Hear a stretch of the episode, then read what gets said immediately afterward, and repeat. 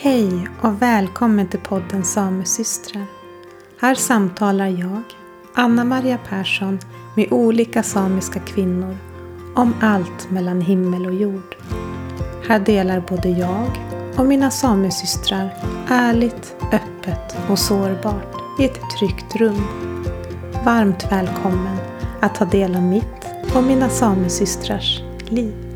Och så fint att du är här, Petra Laiti. Välkommen till podden Samesystrar. Olokito. Um, för det första, för de som inte vet vem du är, så tänker jag att du bara får berätta lite. Vem, vem är du? Ja, absolut. Um, Petra Laiti heter jag, eller uh, Mikko Ilmara Mika Petra. Um, jag är 27 år gammal och uh, just nu är jag bosatt i Helsingfors, men jag är uh, ursprungligen från Anar, Eh, eller enare eh, från finska sidan Sápmi. Eh, min släkt kommer från Anarjohka eller Enarejokk ehm, och från Tanavastraget. Ehm, så därifrån, därifrån kommer jag. Och jag talar nordsamiska som, som mitt modersmål, ehm, eller egentligen så det är mitt fars, fars första språk, så, så det kommer egentligen därifrån. Men, och så talar jag också finska och, och svenska hemma, hemma med familjen. I det samiska samhället eh, har jag hållit på med, med olika projekt. Kanske det, det som jag gör främst är att jag är fortfarande eller för tillfället är jag ordförande för Suoma Saminoorat, eh, alltså den finska eh, ungdomsorganisationen för, för unga samer. Um, men utöver det är jag också medlem i Samerådet. Um, jag gör musik av och till, jag DJar. Just. Vad annat skulle jag hitta på? Och som jag brukar säga att som mitt civiljobb mm. eh, så eh, håller jag på med, med um, nordiska kulturstöd just nu. Så det är det som jag jobbar med i Helsingfors. Men jag har länge varit med i, i dagspolitiken i, i Finland och, och har också en bakgrund i den eh, finska studentrörelsen. Så jag har hållit på med rätt så mycket i mitt liv redan. Och bara 27 då? Ja. Och ändå så mycket, wow. Ja. ja, jag har ju bjudit in dig för, för att jag är för det första väldigt nyfiken själv eh, på vad som sker på finsk sida just mm. nu. Eh, och jag mig veteligen så tror jag att det är många som inte vet vad som händer. Men eh, den som följer mig på Instagram har sett att jag har delat lite grann i alla fall. Och så, så mötte jag dig här på ett samrådsmöte och tänkte men nu är, tar jag tillfället akt och frågar om du vill vara med i podden och prata om det här. För att det är viktiga saker som eh, jag tycker ska belysas på alla sätt som går. Mm. Så det vill jag gärna att vi, vi kommer in på. Och du nämnde här när du presenterade dig själv och eh, berättade vem du var, att du, har, du är, du inte har varit, utan du är ju eh, politiskt aktiv. Ja. Och känns som att det händer mycket där du är. Du är med i mycket, eh, engagerar dig otroligt mycket i samiskt, samiska frågor. Um, och så.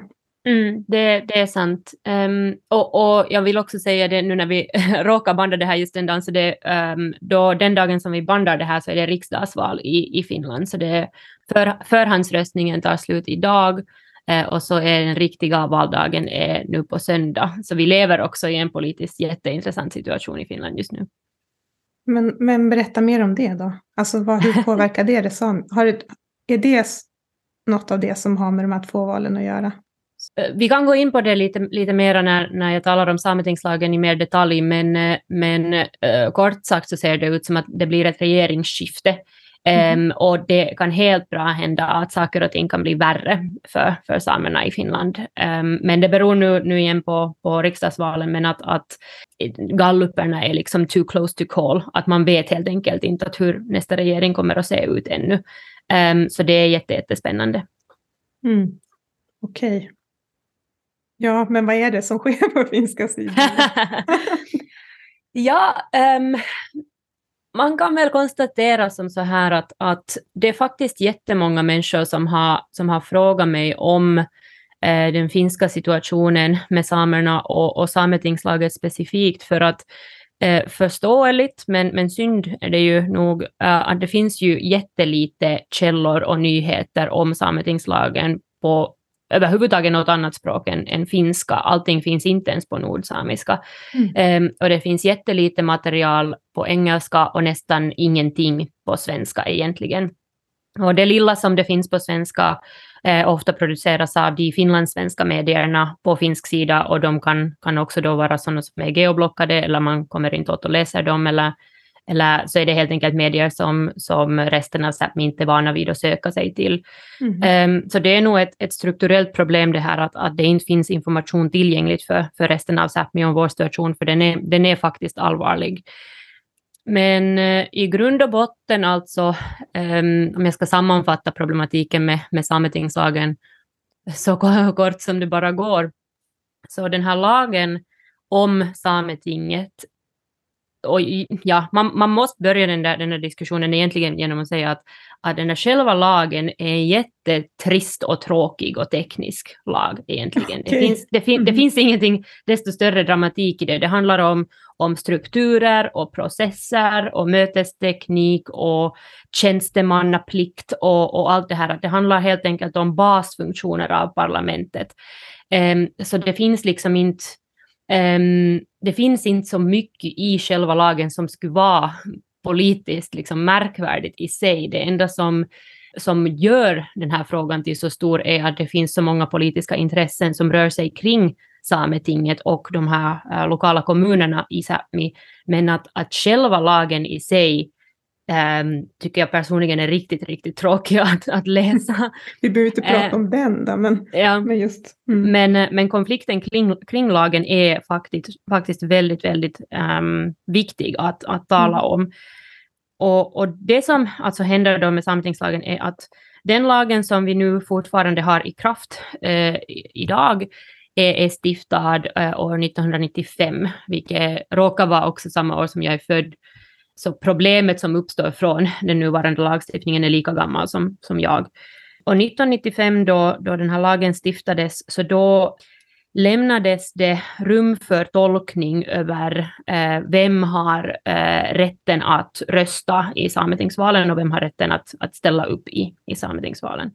Och eh, för en lång tid så, alltså den här loopholen har alltid funnits där Ehm, att, att det finns liksom rum för tolkning. Ehm, men, men för en rätt så lång tid så skapar det inte desto större problem förrän eh, den högsta administrativa domstolen i Finland eh, plötsligt förändrade på deras sätt att tolka den här lagstiftningen.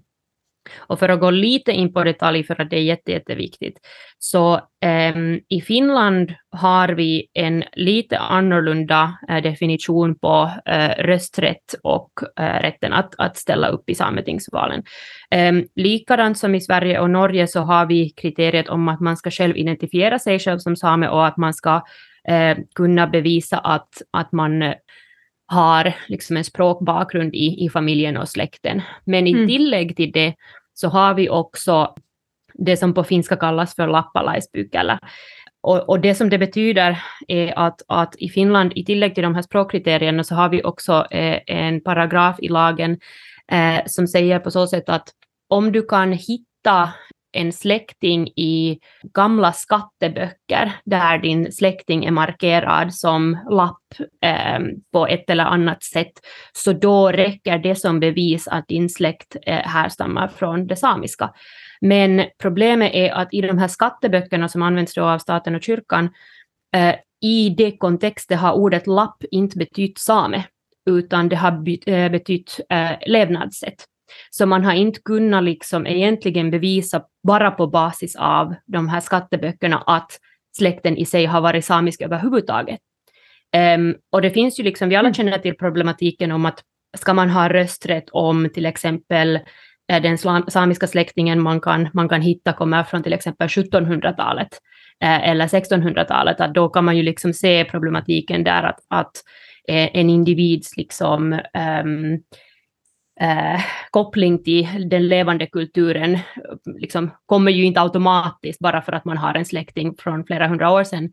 Mm. och det är en fråga i sig. Men den andra frågan är ju också sen att, att om man bara hänvisar till släktingar från de här skatteböckerna så är de här släktingarna överhuvudtaget kanske inte ens samer. Och det finns inget sätt att bevisa eh, att vilkendera de har varit. Och, mm. eh, och den här paragrafen i lagen var den som eh, högsta administrativa domstolen i Finland eh, började då tolka på ett annorlunda sätt. Um, och det som hände um, under regeringsperioden, vad blir det, 2011 till 2015 tror jag det är, under den regeringsperioden så började den högsta administrativa domstolen eh, acceptera eh, massor mer människor in i röstlängden som samerna inte eh, ser som samer. Så det vill säga högsta administrativa domstolen körde igenom eh, Sametingets, eh, Sametingets valkommittés beslut om vem som får ha rösträtt i valen och, och på en gång så accepterar domstolen 97 människor in i röst, röstlängden eh, som samerna inte, inte ser som samer. Och för oss på finsk sida så är det massor med människor. Ja, det var det jag tänkte på. Ja. Eh, 97 låter inte så mycket, men det blir Nej. mycket i det här sammanhanget. Det blir det, det blir det. Och det, det, är tillräckligt att få en kandidat igenom i sametingsvalen, om mm. de alla röstar koordinerat. Och till och med flera kandidater mm. egentligen. Um, så för oss så spelar det jättestor roll, även om de här siffrorna känns som små i förhållande till um, den hela samiska populationen. Och ända sedan uh, det här hände så har samerna i Finland aktivt arbetat för att få den här lagstiftningen uppdaterad och um, korrigerad.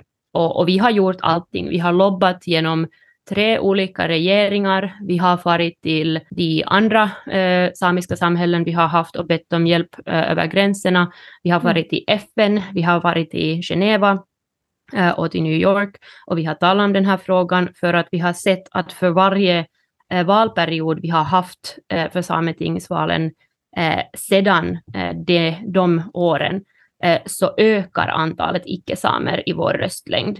Och inte bara på så sätt att, att de, här, eh, de här människorna då liksom bara röstar på ett sätt eller ett annat, utan det är också en, en, en röstartyp som är aktivt liksom hostil mot äh, samer äh, och, som, ja, mm. och som mm. bedriver då en antisamisk politik genom Sametinget. Mm. Och det här är den stora kärnan i, i frågan att men, om staten har stiftat den här lagen på ett sätt och samerna vill ha laget på ett annat sätt, hur ska samerna åstadkomma att den här lagstiftningen korrigeras? Um, och genom tiderna har vi sett otroligt fult uh, och, och svårt politiskt spel inom riksdagen. Vi har sett rasistiska utlåtanden, vi har sett skällskampanjer mot oss, Um, vi har sett hotbrev och, och hot om våld. Um, vi har sett nu den senaste omgången som vi hade nu i, i vintras um, så var kanske den största mediastormen jag har någonsin sett som uh, samerna har någonsin liksom fått emot sig i liksom, eh, praktiskt taget under hela mitt liv, om, om någonsin. Och, och varje gång som den här frågan dyker upp uh, så är det alltid eh, vissa politiker, vissa, alltså vissa politiker i riksdagen, men också vissa politiker i de samiska kommunerna som på ett sätt upphetsar den här diskussionen och, och får fram det fula, det fula mm. språket och hatspråket och det våldsamma språket emot, emot samerna. Det är ju de som gynnas av den här, den här problematiken. Och nu när sametingslagen har fallit ungefär en månad sedan så är det alltså tredje regeringen i rad som misslyckas att korrigera den här lagstiftningen. Um, och då har vi ju liksom redan kommit till ett sånt skede på, på tio år att nu har ju också FN konstaterat i människorättighetskommittén att Finland eh, bedriver ett aktivt människorättighetsbrott emot samernas eh, civila och politiska rättigheter, eh, inte bara som urfolk men också som okay. bara människor och mm. som ett demokratiskt system. Um, så Finland har nu aktivt valt att, att då fortsätta ett människorättighetsbrott och fortsätta um, på ett sätt infiltrera vårt parlament och bedriva antisamisk politik.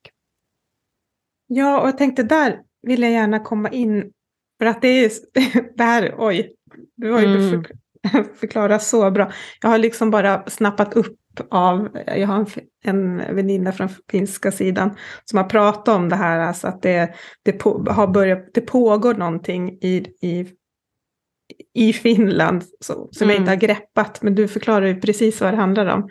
Väl, och, kort och, mm. och väldigt tydligt. Så tack för det. Ja, absolut. Och det här är liksom den, den mest kända delen av, av mm. eh, problemet. Men jag vill också nämna, för att det är jätte, jätteviktigt, att det är inte bara den här frågan som skulle vara viktig för överlevnaden av Sametinget i sig, för att själva lagen som vi nu fortfarande har i kraft är ändå från 95. Och på grund av den här problematiken kring vem som får rösta och ställa upp i valen, så har den, den där lagen inte uppdaterats på något annat sätt heller. Så till exempel vi på finska sidan av Sápmi röstar fortfarande endast per post eh, år 2023.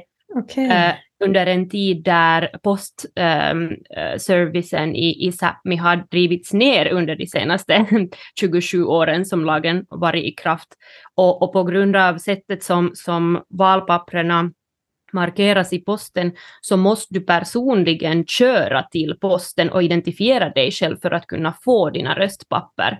Och sen måste du också köra tillbaka för att identifiera dig att, att du skickat eh, papperna. Och, alltså inom och, alltså samiska val, eller sametingsvalet? Ja, ja sametingsvalet, ja. För riksdagsvalen finns det, det finns en buss och det finns mm. rörlig, uh, rörlig röstning och det finns förhandsröstning och valdagsröstning och allting. Men att, mm. att röst, röstandet för sametingsvalen har blivit otroligt dyrt. Att det kostar pengar och tid för uh, oss att rösta i vår egen demokrati på grund av att vi inte har fått den här lagen korrigerad. Ja, men jag tänker alla kan ju inte heller ta sig till, alltså det är ju, många mm. bor ju remote också och, och, kanske inte kör bil längre eller vad som ja. helst.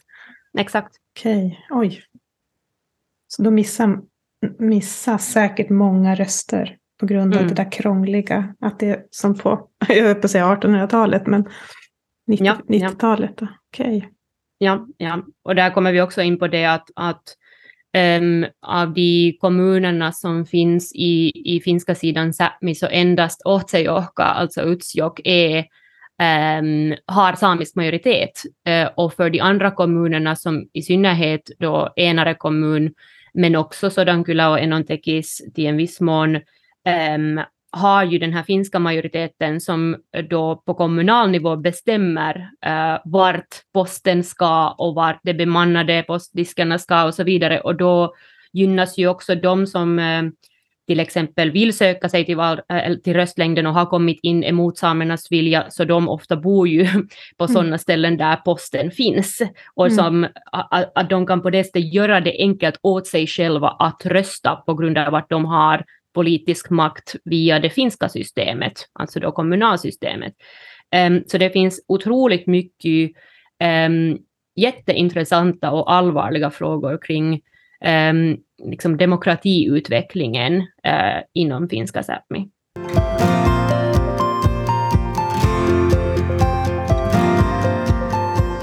Jag tänker på FNs urfolksdeklaration.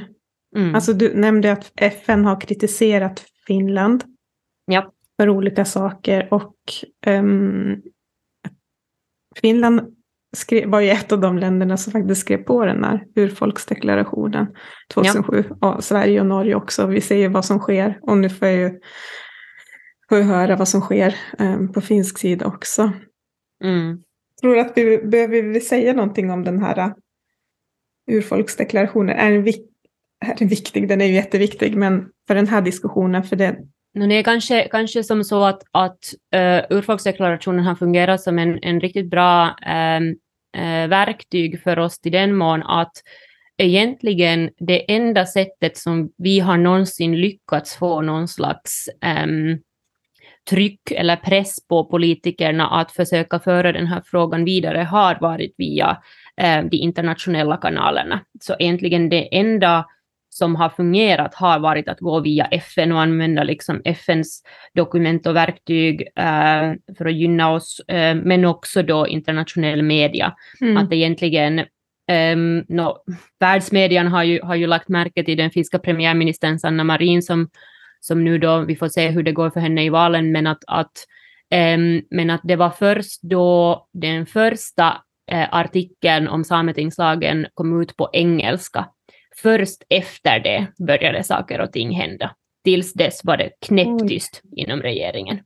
Att, um, att för oss så känns det ju um, rätt så brutalt att se hur, hur rak den där linjen sen, sen var, eller den här kopplingen mellan, mellan den här internationella median och premiärministerns mm. vilja att agera kring den här saken. Ja, för jag, ja, jag, jag, kan inte ens eh, föreställa mig hur det är. Liksom, nu känns det som att jag sitter på andra sidan, och jag är på en annan sida gräns helt enkelt.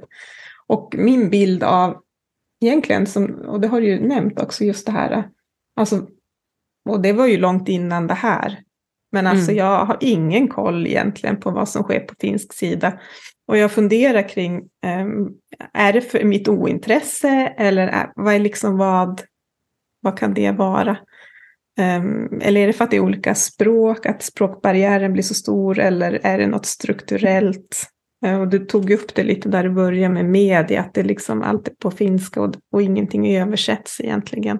Men det är mm. så märkligt att tänka, för vi, vi bor ju i Norden och det ska ju liksom vara, vi bor i i-länder och eh, Norden, ja, ja. alltså internationellt sett, har ju väldigt gott rykte. Mm. Ja, ja.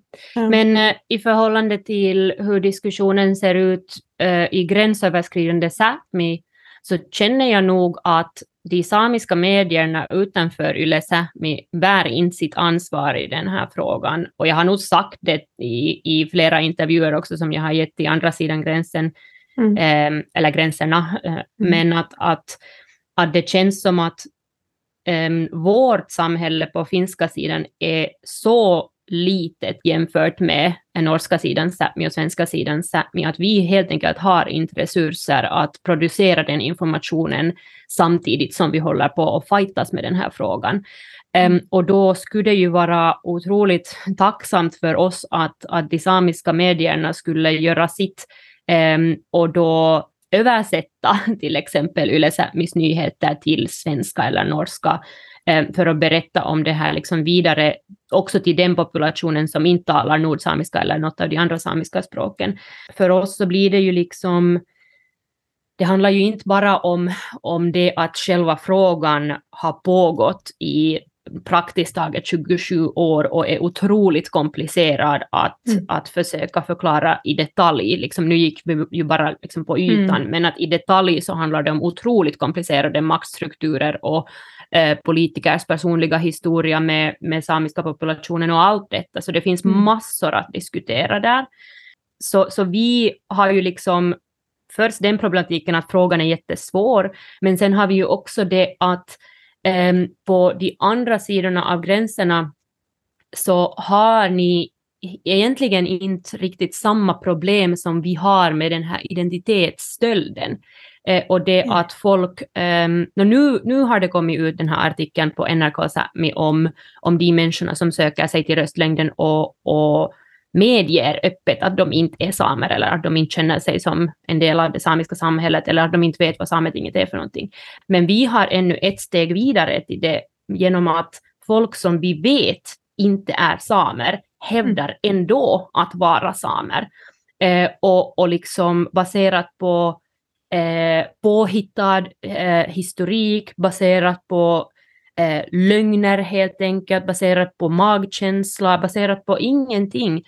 Um, och, och, det är liksom människor som använder sig av existerande politisk makt för att få mera politisk makt över frågor som de vill uh, gynna sig av. Och det är liksom det är just den här maktfrågan som fattas från um, eh, diskussionen eh, så här pansamiskt tänkt, att, att det är jättesvårt att förklara att jo, vi har människor som vill göra det här av illvilja och som mm. medvetet ljuger om sin identitet för att komma åt någonting som de tycker att samerna har specialrätt till. Och det är en jätteallvarlig och svår fråga också eh, för samerna i Finland eftersom det väcker ju massor med känslor och det är jättesmärtsamt ja. för oss. Det låter helt, ja, helt eh, horribelt, måste jag säga. Mm. Alltså inte, inte nog med att vi har den koloniala historien och all den smärta och allt vad det innebär som jag från mitt perspektiv känner på också. Men sen att eh, om jag försöker tänka så här, dessutom så är det att det skulle vara folk i, i mitt samhälle som hävdar att de är någonting som, som de inte är. Alltså det, det låter så Mm. Som är ännu en stöld. Det. Ja, att, ja. Men varför, ja du har ju sagt varför att de vill ha inflytelse över vissa saker. Men alltså mm. vad kan, vad, Finns det något exempel på vad, vad kan det liksom Jag skulle nästan, ja, och jag skulle egentligen, eh, eller jag är tacksam för att, för att jag kan tala om det här på svenska, för att vi har ju liksom en, en fråga som håller på att resa på sitt huvud, huvud och som jag hoppas att aldrig blir aktuell på en, på en pansamisk nivå, men som är jätteviktig för eh, samer på svensk sida att förstå. är Att vi har nu en eh, rörelse av icke-samer eh, som kallar sig själva för skogssamer och som jämför sig till eh, ordet skogssamer som används på svensk sida, men de hävdar sig att vara liksom den finska um, variationen av det, ska vi säga. Um, mm. Men det, det är en grupp med människor som har ingenting med det samiska att göra. De har ett påhittat språk, de har ett påhittat kolt och de har en påhittad historia som de lobbar politiker med. Um, och de uh, har ett kulturevenemang uh, för sin uh, quote unquote skogsamiska förening som åtminstone vid ett skede sponsorerades av den finska gruvindustrin. Um, Oj, det är liksom, va? Um, så vi har alltså en, en rörelse med folk som har helt enkelt hittat på en ny eh, mm. kategori av samer och som hävdar att deras röst överhuvudtaget inte hörs. Um, och de existerar ju dessutom inte i eh, det finska Sápmi, utan de existerar i södra Lappland. Um, och de hävdar då att, att eh, den delen av eh, vad de tycker är Sápmi har glömts bort.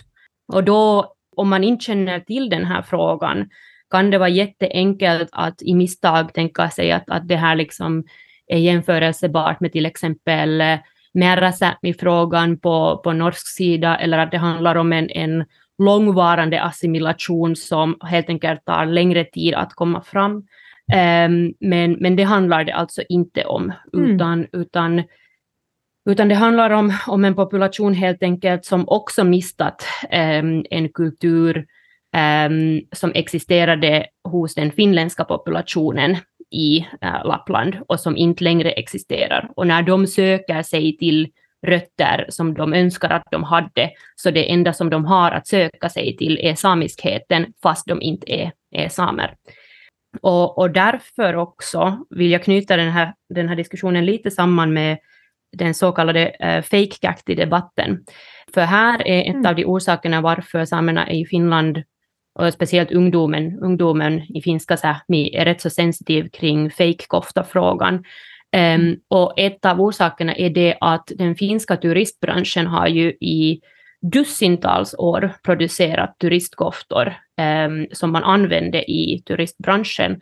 Och ofta har det hänt att, att de här koftorna, så kallade koftorna, som man använt eh, och som producerats för turistbranschen och som inte är samiska koftor, har sedan eh, liksom 10, 20, 30 år efter det hittats av människor i eh, Lappland och som får dem att tro att de är samer för att de inte känner till att koftan är fejk.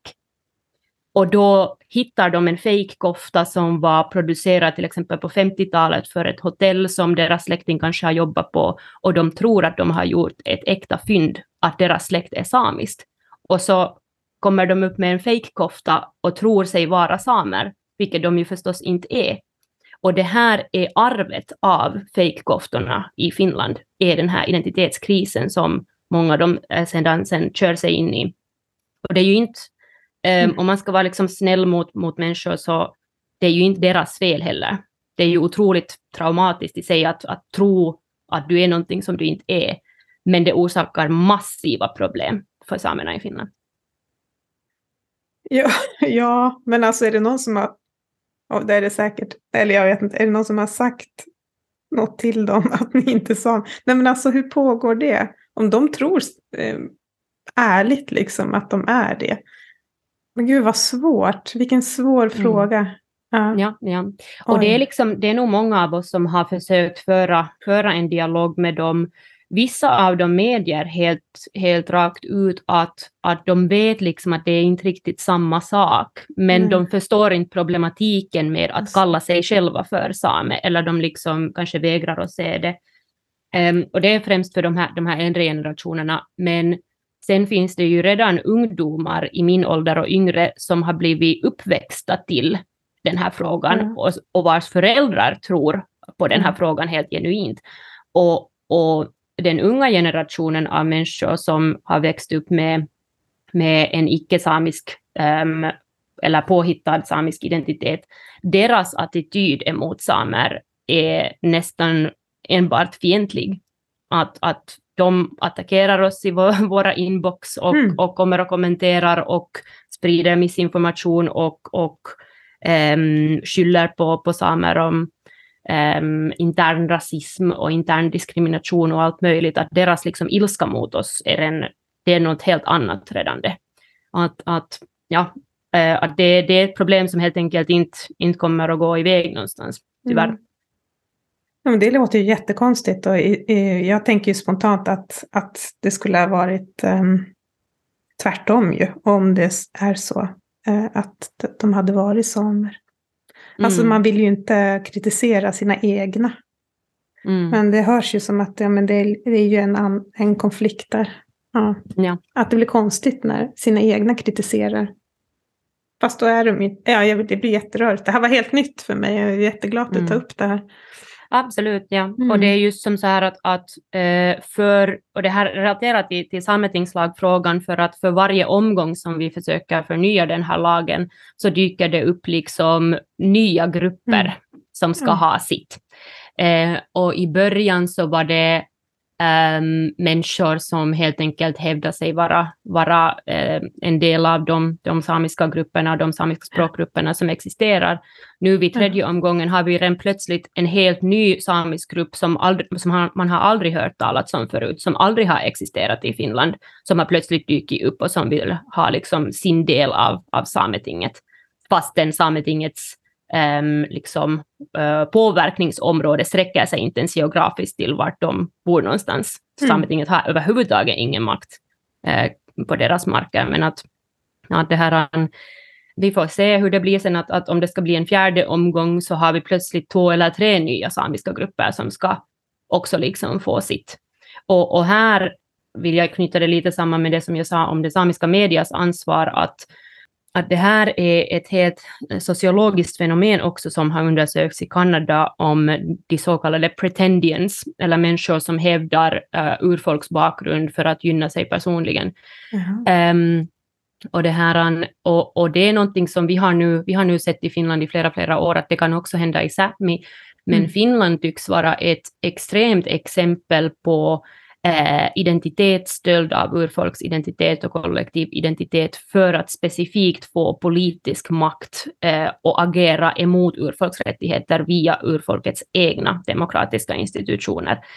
Um, och det här är någonting som absolut borde lyftas mera i, i den samiska medien för att det skulle vara jätte, jätteviktigt att resten av Sápmi kände mm. till mm. att det finns människor i Finland som hävdar sig vara samer som inte är det och som vet att de inte är det, så att inte till exempel samiska institutioner ger till exempel pengar eller mm. möjligheter till, till projekt som handlar om att stjäla och appropriera vår kultur.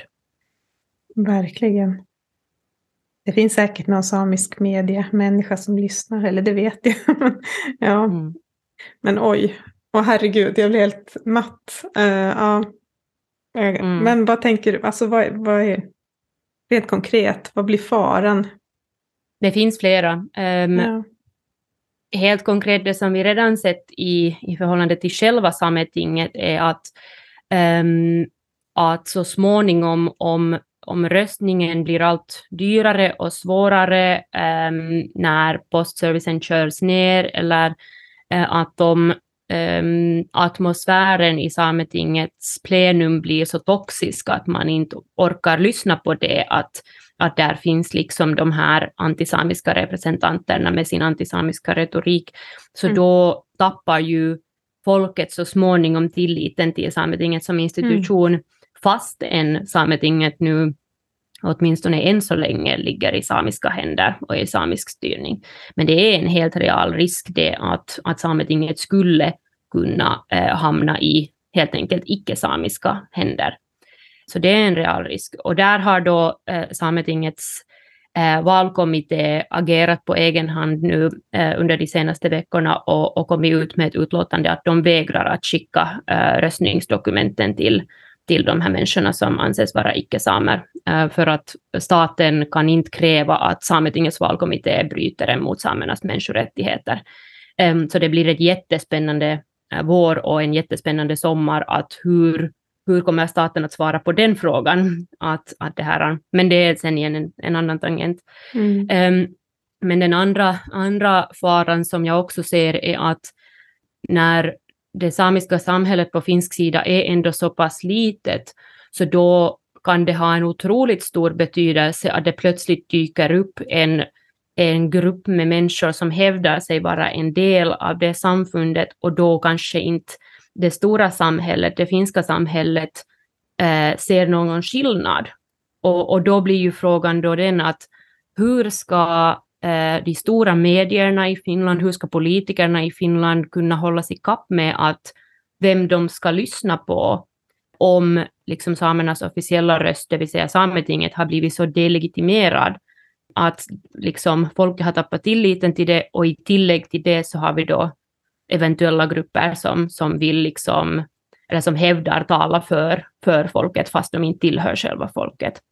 Och, och sen den tredje faran som jag ser helt konkret också som, som en ledare av, av ungdomsorganisationen att, att, det här, att det här har ju en otroligt stor tryck eh, på den samiska ungdomen och speciellt de som borde rösta för första gången nu i de kommande sametingsvalen. Att, att mängden eh, allmän hatspråk som vi har sett i, i stora medier och från politiker och från de här, de här olika intressegrupperna som, som vill ha en del av sitt, har varit eh, helt krossande att se på. Och jag har varit så rädd om, om de ungdomar som har kampanjerat för Sametingslagen för första gången i sitt liv. Jag har själv kampanjerat för den lagen i åtta år. Och, och nu är det den nästa generation som jag håller på att inskolar till den här mm. frågan. Mm. Och det blir ju värre och värre hela tiden. Och det, det är ju helt enkelt eh, liksom en vikt som, som ungdomen inte, inte borde behöva bära. Och det kommer att ha långtida effekter till, till människors psyke, till människors mm. välmående, allting. Eh, och också i, i värsta grad eh, så kan det ha en påverkan till huruvida människor vill öppet säga att de är samer helt enkelt, om det upplevs som en så kontroversiell sak. Mm. Ja, det var just det där. Jag tänker liksom vad gör det med individen? Mm, är bra mm. att du lyfter det. Mm. Vad kan vi på... Mm, för att jag, det är flera lyssnare som har skrivit när jag delat någonting. De bara, Va, vad är det som sker på finsk? Alltså tack för att du delar, delar det. Finns det någonting um, vi kan göra? Vi som på individnivå här. Um, som är på en annan sida gräns. Jag tror en sak som skulle, som skulle hjälpa oss helt konkret, för politiskt sett finns det egentligen ingenting, ingenting Nej. man kan göra, en, okay. en, annat än att typ donera till, till våra organisationer om man, om man kan. Men jag tror att en jätteviktig sak eh, som jag tycker är ännu viktigare nu efter corona är att, att vi borde träffas mera över gränserna och man borde resa till, till de områden av Sápmi som man inte känner till och man borde eh, tala med människor och lyssna, lyssna på dem och fråga vad som pågår och fråga om, om eh, liksom att, att, att, hur ser människorna på de här frågorna för mm. att, att, att det som man nog känner på finsk sida av Sápmi, inte bara på grund av gränserna men också språkmurarna, att, att det finns ju en enorm skillnad mellan finska och, och de skandinaviska språken också. Mm. Att, att det är mycket lättare för samerna i Norge och Sverige att, äh, att diskutera och höras åt, men att, att det är en helt annan grej åt oss på finsk sida, där största delen av oss liksom kan ingen slags skandinaviskt språk. Och då blir man ju liksom jätteensam med mm. den där känslan. Mm. Att man blir jätteensam och man blir liksom eh, kvar med den tanken att, folk bryr sig liksom bara när det handlar om, om frågor som är universella åt, åt oss alla. Men att sen mm. när det handlar om, om, om vårt demokratiskt institut så känns det som att, att vi är liksom helt enkelt ensamma med den frågan. och då, då tänker jag mig att, att det skulle vara jätte, jätteviktigt att, att det samiska samhället också skulle, skulle resa till till exempel evenemang och festivaler och, och, och tillfällen på finsk sida bara för att, att lära sig om vår situation och se hur vi har det och visa liksom att, att man bryr sig om samhället på vår sida av, av gränsen också. Mm. Jag tänker, ja, eh, Sverige-Norge, det, det där med språket, det är lättare att kommunicera på det sättet. Men finns ju engelska och det finns lite sådana. Mm. om, man, om jag från mi, mina ögon bara eh, för samtidigt som du var i Oslo och demonstrerade för Fosen-saken så kom det här resultatet om mm. att eh, finska regeringen inte, eller vad, hur ska man uttrycka det, de Ja, de, de valde att inte fortsätta processen. Ja, så var det, okej. Okay. Ja. Um, och jag såg att du åkte hem till Finland, eller, mm. ja, för att um, arbeta med det som sker där och liksom um, mm. den, det, de frågorna. Men ögonen i Sápmi, de var liksom kvar i Fosen ja. och alla ögon var riktade mot, eller i Fosen, i Oslo och, och de här demonstrationerna. Mm. Um, och på något sätt så, och, och, hela sociala medierna, det bara exploderade med allt som skedde i Oslo, mm. så, vilket är väldigt bra. Och att det finns sån kraft och, och att det kan få sån stor uppmärksamhet. Men så tänkte jag också samtidigt på det som skedde på finsk sida. Mm. Mediatäckningen är ju noll då, i jämförelse. Ja, ja. och det var, det var ju helt krossande egentligen. Och just att, att det var otroligt svårt för mig att, att åka hem från Oslo, fast jag visste att, att det var det enda som jag kunde göra i den situationen. Och det var liksom inte, det fanns inget negativt i, i gruppen, alla förstod och, mm. och jag förstod. Och vi visste liksom att det är den rätta saken att göra. Och, och Fosengruppen har, har gett massor med stöd åt mig, de har checkat in och, mm. och skickat meddelanden och skickat stöd. Så det liksom och, och förstås var jag ju otroligt glad också för den gruppens skull att, att protesterna blev vad det blev. Det är helt historiskt och då är det ju liksom en vinst för oss alla förstås. Mm. Men samtidigt så um, var det rätt krävande att, att sitta hela den veckan ensam i Helsingfors och se på socialmediaflödet och, och se på stödet som, som uh, man gav till, till aktivisterna och, och till Sápmi överhuvudtaget. Uh, och sen eh, var det bara liksom ingenting. Ingenting mm. på vår sida. Det var mm. ingen som, som såg eller, eller lyssnade. Och där kände man också just den att, att folk under hela den här tiden har helt enkelt inte haft någon aning om hur allvarlig eh, situationen är egentligen. Mm. Alltså då pratar vi alltså många, många år.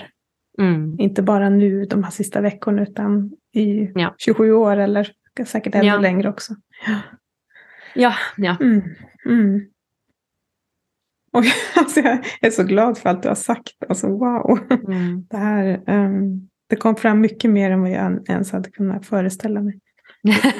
vad som sker liksom. Och det tyder ju på någonting. Mm. Mm.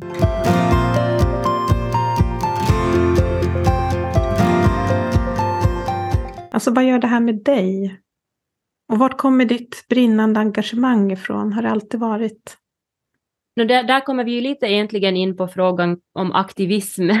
att, oh. att det, här, det, är ju, det är ju det som, eh, som jag tituleras som uh, samisk aktivist. Och, och jag vet inte egentligen, uh, jag är helt säker på att det finns lite annorlunda klang i det ordet om man jämför på, på svensk eller norsk sida. Um, eller säkert att, att den kontextualiseras lite annorlunda beroende på var, var i Sápmi man är.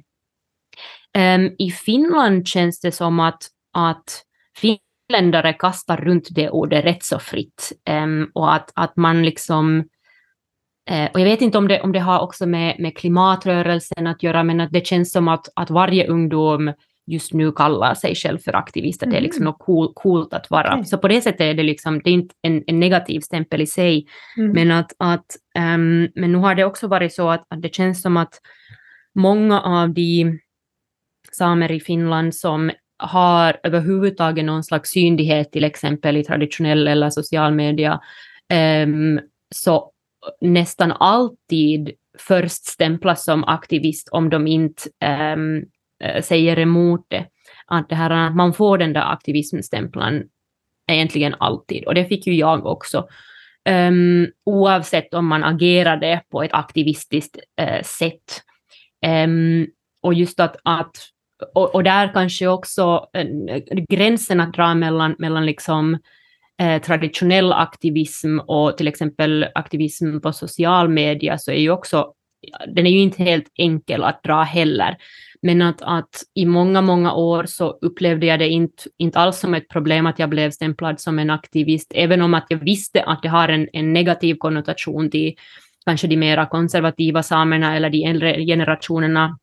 Men att, att, att själv har jag aldrig upplevt det som ett problem i sig för att, att det, det där ordet ger en bra beskrivning på det som jag gör. Men mm. att, att Samtidigt så är synligheten och protesterna och, och allt det, så det är ju bara liksom en del av, av arbetet.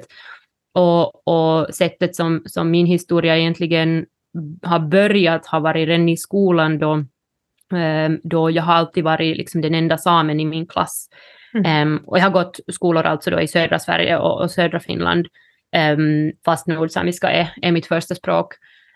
Och då har jag liksom Eh, jag tror jag räknar en gång att det första, det första föredraget jag höll för en icke-samisk publik om samer äh, höll jag då när jag var åtta år gammal.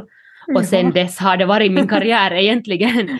Att, det här, att, att jag har gjort en, en hel frilanserkarriär vid sidan om studierna och, och arbetslivet där. Eh, jag far runt omkring och skolar folk om, om samerna eller ähm, blir konsulterad av, av olika slags föreningar eller organisationer och, och blir inkallad till att att diskutera om något ämne för, för ett företag eller sånt, att, att, att det, är, det är möjligt att göra, göra en hel karriär på, på människors ignorans helt enkelt. um, men att just att, att det här, och det, det i sig är det jättegivande, liksom, jag gör det jättegärna. Um, men att där kommer det kanske det att, att när man råkar ha det som en, en frilanserkarriär och sen när man råkar snubbla på eh, de följarna som jag har gjort och, och den synligheten som jag har gjort. Um, och igen, helt av misstag. Det var inte, liksom, det var inte poängen att, att jag skulle ha 10 000 followers på, på Twitter, men att, mm. just att, um, att när man väl har plötsligt fått det, eh, så känner man ju förstås ansvaret att man ska använda det till, eh, till eh, samhällets nytta.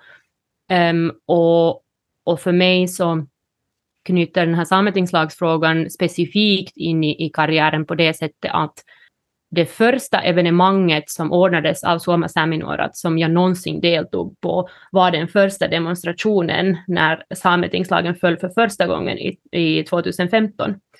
Eh, så det är mitt första Suoma Saminorat-evenemang som jag har någonsin varit på och efter det gick jag in i, i organisationen och efter det har jag varit med i två, eh, de två nästa regeringarnas arbete Eh, för att förnya den där lagen. Så den har liksom följt, den här frågan har följt mig genom hela äh, min karriär och, och hela äh, min, no, inte, nu, inte nu hela ungdomen, men att, att ända sedan jag har varit 19-20 år gammal. Mm. Och det är många som har börjat till och med ännu yngre mm. än, än, jag. Till exempel um, Sametingets um, ungdomsrådets ordförande Anne Sofenituvuopio har, har börjat när hon var 13. Att, mm. här, um, att den här frågan följer ungdomar för att det är den viktigaste och den allvarligaste och den mest pressande frågan vi har. Inte för att den är den enda, eh, mm. men, men det är den som påverkar vår vardag um, liksom absolut mest för att för, uh, så länge som den frågan inte är löst så kommer vi inte vidare med, med våra andra rättighetsfrågor. Mm. Um, så på det sättet blir det också en jättepersonlig fråga fast man känner att, att det är otroligt byråkratiskt och tråkigt och tekniskt och, mm. och, och trist. Och varje gång som, som lagen har försökt förnyas så, så nu förstås blir jag ju äldre också för varje omgång, men jag tänker mig bara varje gång att oh, here we go again. Och så okay. gräver man fram de där samma pappren och samma utlåtanden och samma slogans och, mm. och allting. Att, att, det, att, att man, man lever i en politisk karusell helt enkelt. Mm. mm. Men jag vet, det är inte ett lätt ämne att, att lyssna på heller. Man blir jätteutmattad utmattad av det. Det är helt sant. Det blir man nog. Ja, för det... Shit alltså. Ja, det är just det här alltså, att vara same. Det är så mycket. ja. ja, ja. Det är så mycket och nu låter det som att jag har hört en, en, ännu eh, hur det kan vara på en annan dimension också. Mm. Ja, som om det inte är mycket redan. Och nu, nu har jag fått inblick i hur det kan vara på finsk, eller hur det är på er mm. sida av Sápmi. Ja, och, ja. Och, um, ja, det var väl just det där liksom hur det påverkar dig, men, men det verkar som du fortsätter uh, kampen. För det finns väl inget ja. annat, alltså det, vem ska göra det annars? Så, det går ja, ju inte att inte exakt. göra det. Exakt, för vi är ju som sagt, vi är jättefå eh, i, i vårt samhälle eh, mm. överhuvudtaget och vi är jättefå som eh, orkar vara engagerade. Och ärligt talat vet jag inte heller om, om jag orkar liksom, i framtiden, att, att, eller måste jag ta liksom, en paus från den här frågan, att jag vet nu inte, för att, att just att om man talar om liksom, det mänskliga priset man betalar mm. så um, jag tror att största delen av de människor som har varit liksom engagerade i sametingslagsfrågan, liksom helt där i, i kärnan och i mitten av allting.